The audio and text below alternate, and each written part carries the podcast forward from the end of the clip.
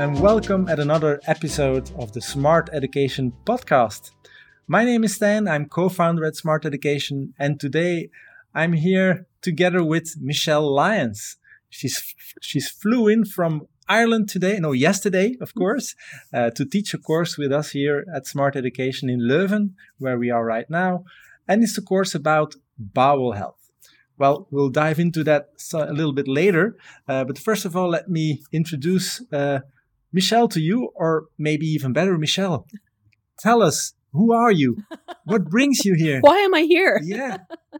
so, first of all, thank you so much for having me here. It's it's been a pleasure. We've been collaborating and communicating for for quite some time, yes. and uh, we've done a couple of power talks together, and which were very successful. Oh, thank you.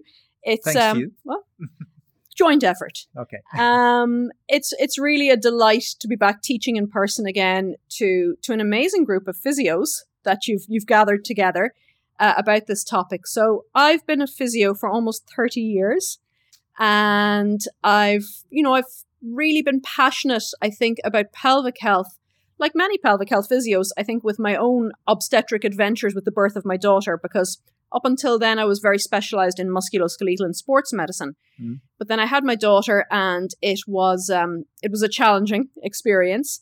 And I thought there has to be a better way that we can help women recover after postnatal um, postnatal misadventures. I would say.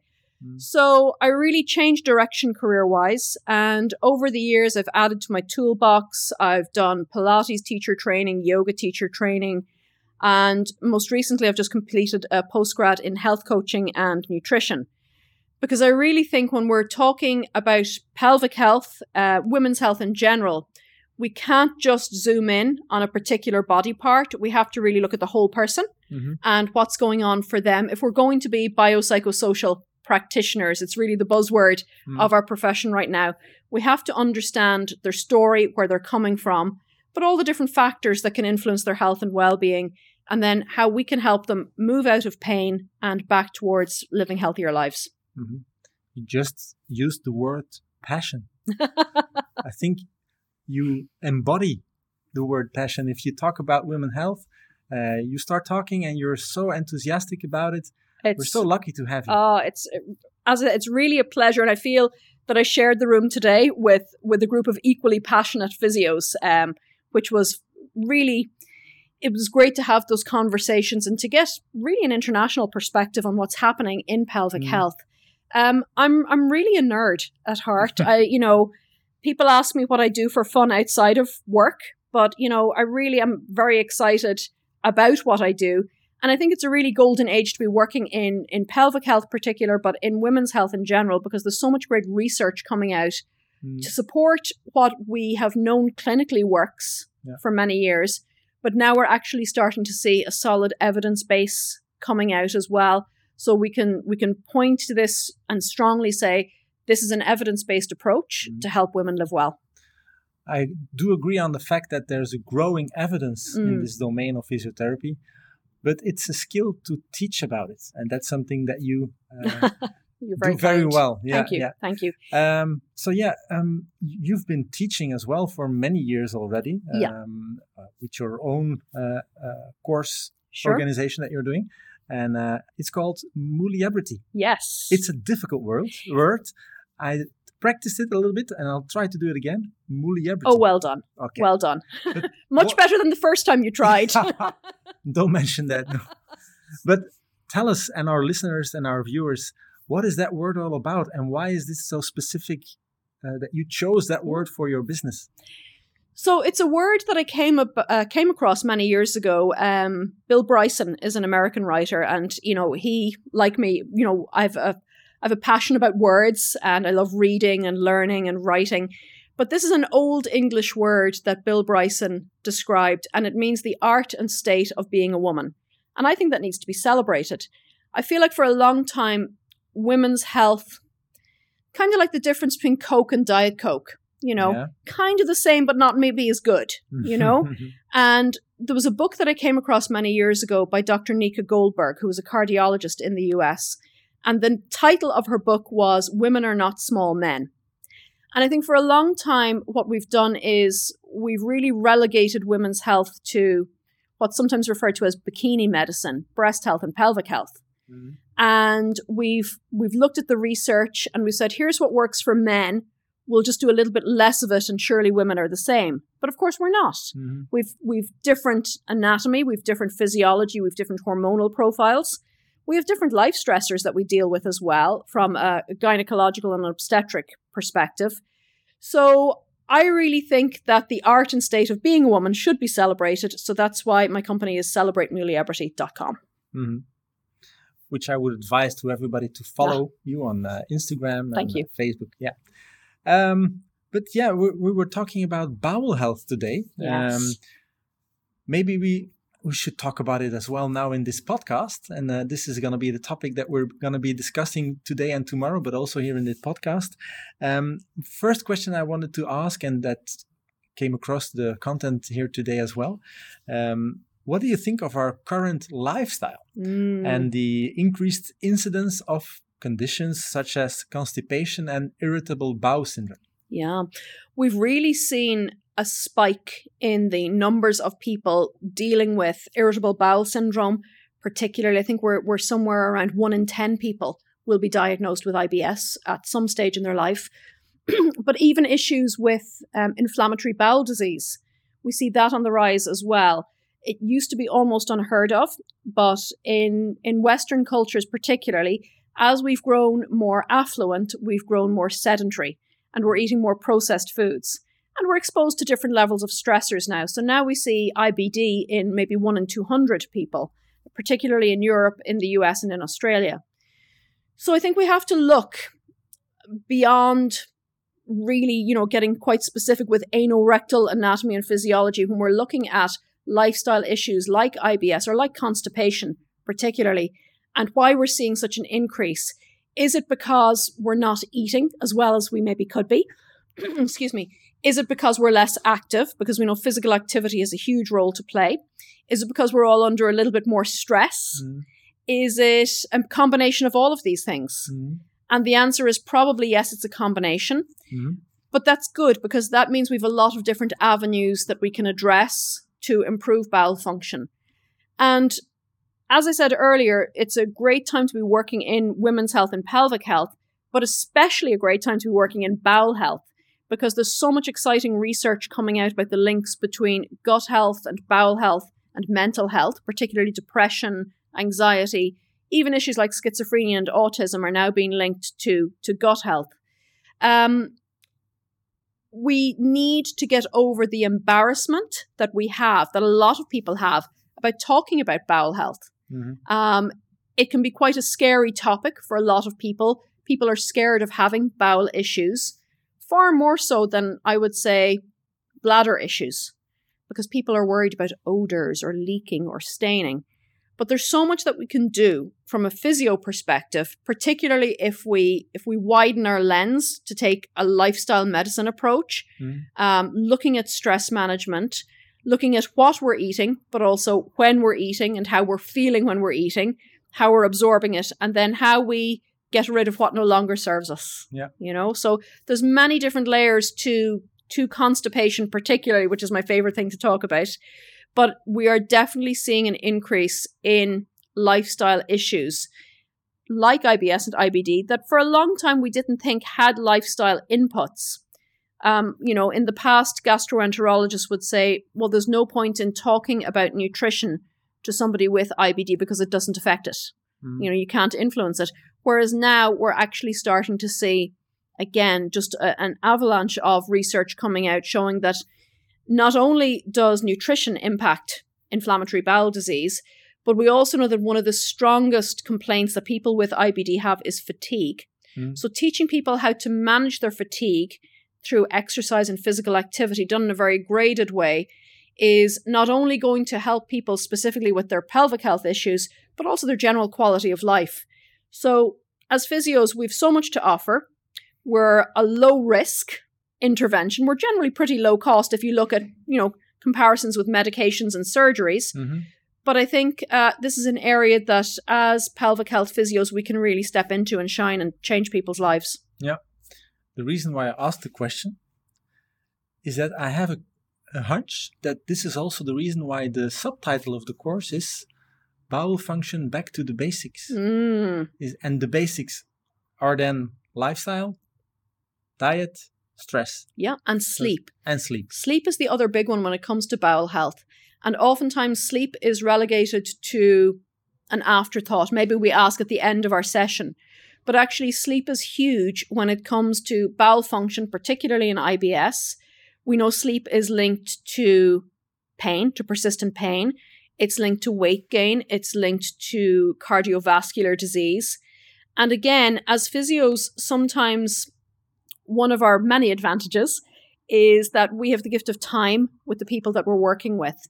So to be able to ask pretty intimate questions about bowel and bladder and sexual health, but also to be able to take somebody through some basic sleep hygiene strategies. Because sometimes I think we can forget that the things that are always obvious to us are not always obvious to the people that we're working with. Mhm. But really having those those four sleep, food, movement, and stress management as the cornerstone of living well, no matter what diagnosis we're working with, I think is really essential if we're going to, again, just take that step forward in lifestyle medicine. Yeah. So you gave us a, a little bit uh, of ideas on what we can do to keep uh, our digestive system in optimal health. But let's maybe ask the question um, the, about the role of the uh, the pelvic floor Mhm. within this uh, optimal bowel health. Can you tell us a little bit more about that? Absolutely. As I said today, um, there are generally four answers to any question I ask when I'm teaching. Mm. And the answers will either be broccoli, estrogen, the pelvic floor, or it depends.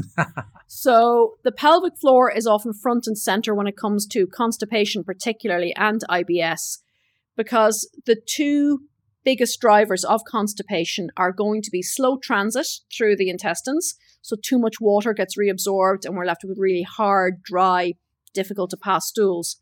Or a lack of pelvic floor muscle coordination. So we're not relaxing and opening when we should, and we're not keeping things closed when we should. What's great about the pelvic floor muscles are if we address the pelvic floor lack of coordination, we have a lovely case study, I think from back in 2013 from Binford et al., that showed that by improving pelvic floor coordination, we not only improve the outlet dysfunction, but we can actually improve transit times. So the pelvic floor is literally the answer to everything, but then we build on that to start introducing healthier habits like physical activity, which is shown to improve constipation measures. Stress management is huge as well because we talked about that in the class today, how we each respond to stress. Some people, when they're stressed, they end up with diarrhea. Some people, when they're stressed, they end up with constipation. But that link between the gut and the brain and that conversation that the two of them have with each other, again, it's just, it's fundamental to all the different health parameters that we're interested in. That's also an area where we see a lot more evidence, research coming. Yeah. Uh, so yeah, it's a very interesting domain. What what uh, got stuck in my mind this morning is that you were talking about. Maybe if you want, you can share this. Uh, you were talking about Hercules Hercules sphincter. Yes. So It was like a visual idea from it stuck with you. yeah.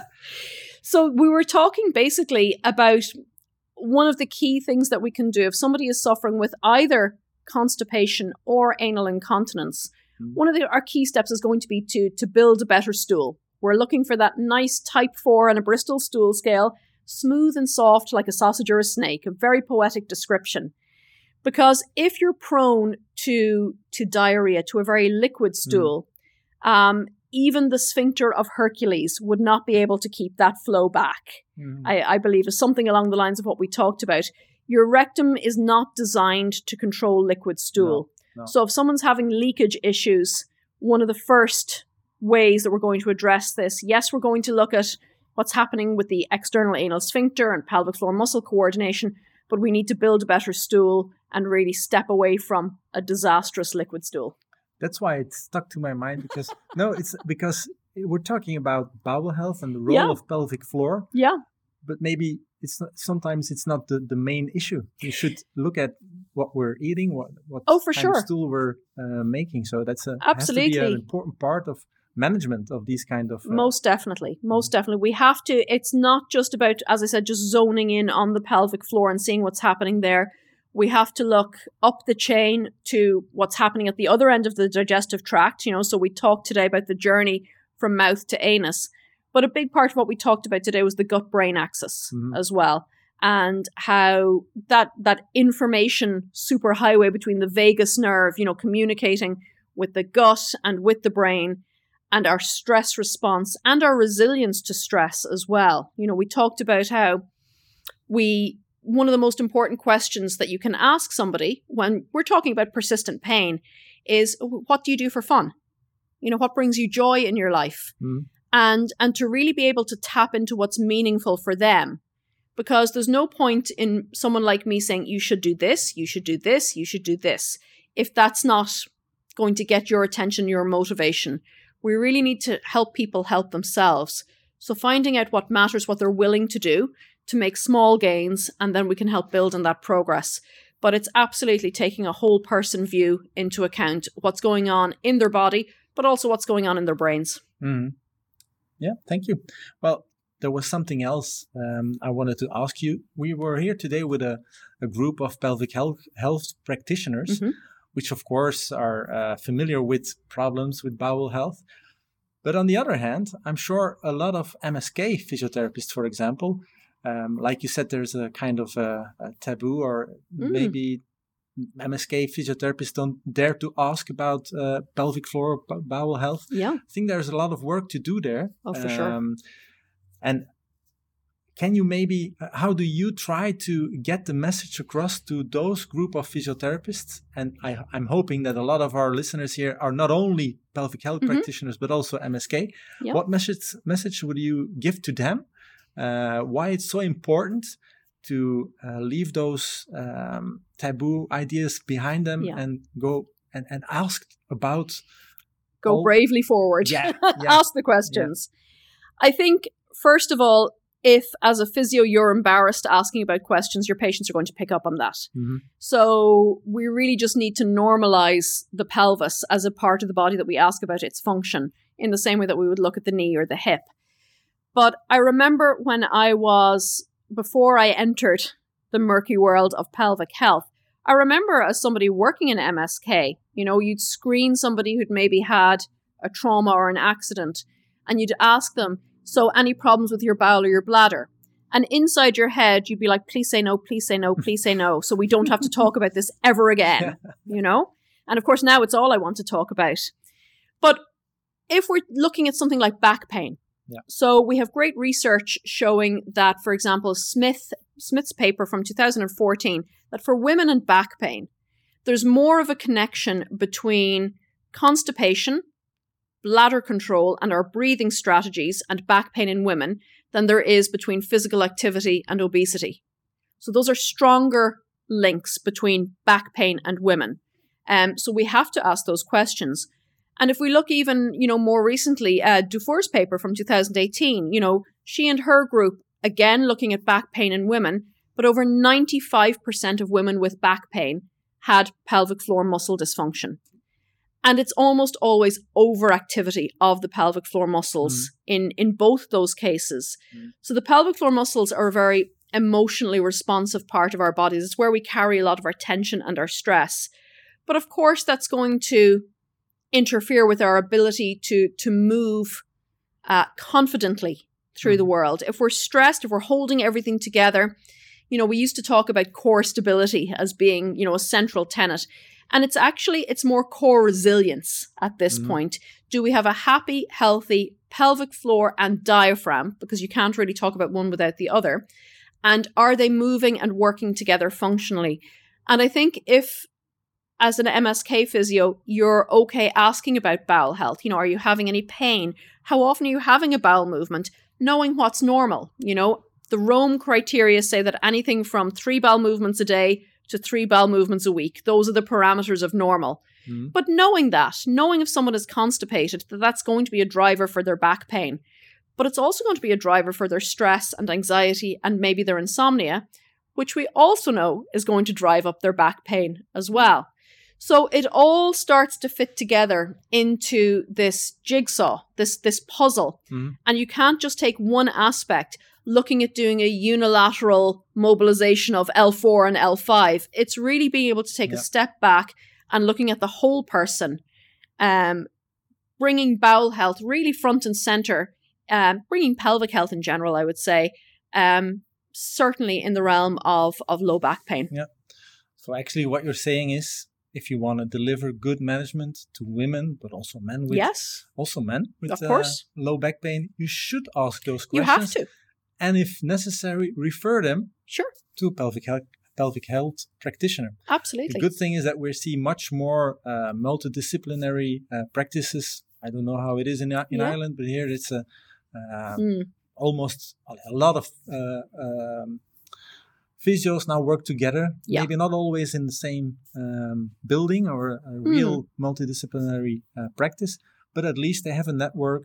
Uh, ex- that's ha- how I, I work, and I think everybody should work uh, and work together, like you say. yes. Somebody knows a, a lot more about that part of the jigsaw than somebody else, and Sure. communicate with each other. Yeah, But isn't that like you know?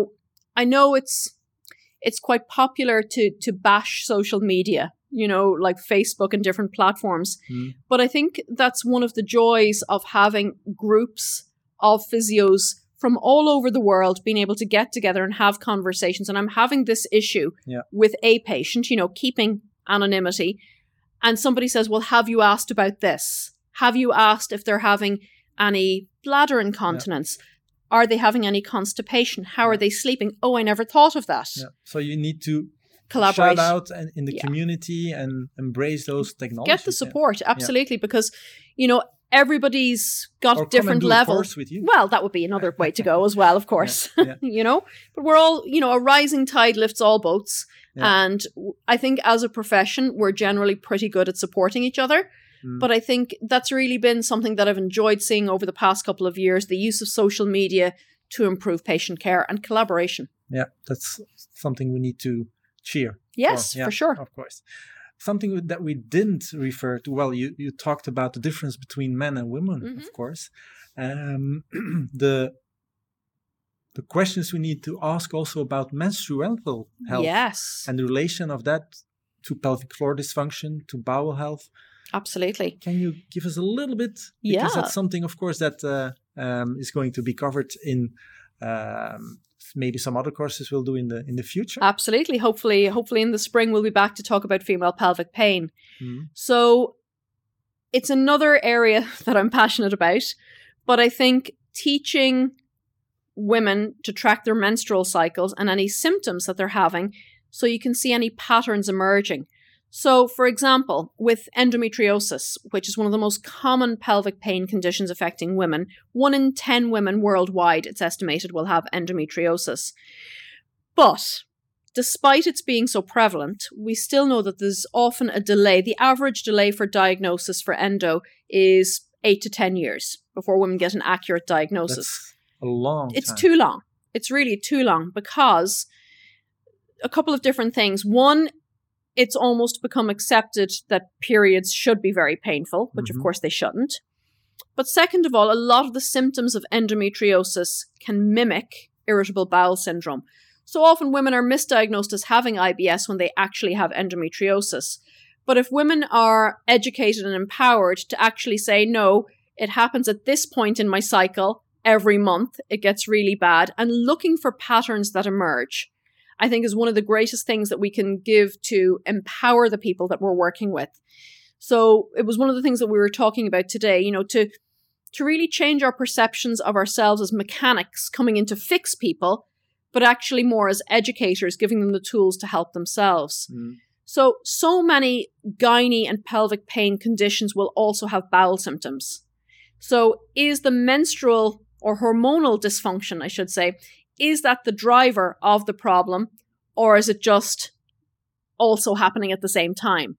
And that's where kind of really getting quite specific with tracking menstrual cycles or menopausal status and looking for any patterns that emerge um, can really help us advocate for our patients and again then help them to advocate for themselves because what we know about endometriosis is that by improving bowel health, you know, and encouraging an anti inflammatory lifestyle, you're definitely going to turn the volume down on the pain and disability. But for, for women with endo, the gold standard is still going to be laparoscopic excision, mm-hmm. followed by pelvic rehab. So we're an important part of the picture. We're not the entire picture, but we're a key part often in sometimes identifying the problem um, but also then in in being part of both the prehab and the rehab, maybe after any necessary surgeries, and maybe hoping hoping that we help women avoid unnecessary hysterectomies, which are often performed as well. So I think for a long time with women and pelvic pain, there's been this almost trend of we don't know what's wrong, so we're just going to take the organs out. And hopefully that will solve it. But of course, that comes with its own problems as well. Mm um, with bone health and brain health and heart health. So, what we really need to do is get back to basics, understand what's happening with the menstrual cycle through the reproductive years into menopause, because that's not something that's factored in, obviously, into male pelvic pain. Hmm. Because men have a slightly less complicated hormonal cycle. They've got a 24 hour cycle. Whereas women are going to have this 28 to 30 day cycle for about 40 years of their lives. And estrogen has about 400 different functions in the female body. And a lot of it is going to be in the region of pelvic health in terms of affecting bowel function, bladder, sexual health, but also brain and heart and bone health. Mm. So, yes, again, we can zoom in at the bowel issues, at the pelvic pain issues, but also being able to zoom out and see the whole person and how their menstrual function is is affecting their life, whatever life stage they're at. I think that's an important message mm. you're giving there. Yeah, and it's clear that there's a lot more, much more to learn. Um, so I look forward not only to today, but also when you we have you again in April with us. Lovely. Um, it was an honor to be able to have this chat here with you. I hope uh, our listeners and our viewers got something out of it. Maybe got a, a little bit of inspiration. Um, you know what I got from Michelle, and I will show this in the camera, but I will not be able to uh, explain it with, with, in words. this morning, I got something like this. What you're seeing is socks with a smiling poo on it. that's a great gift you're uh, very welcome. And that's also um, a way of um, getting the message across. Absolutely, that that we want our bowel movements to be happy yeah. and healthy, happy and pain free. yeah, that's the ideal. Yeah, thank you for uh, your time here. Uh, My Michelle. pleasure. Um, I think it's time to grab something to eat together. Sounds yeah. good.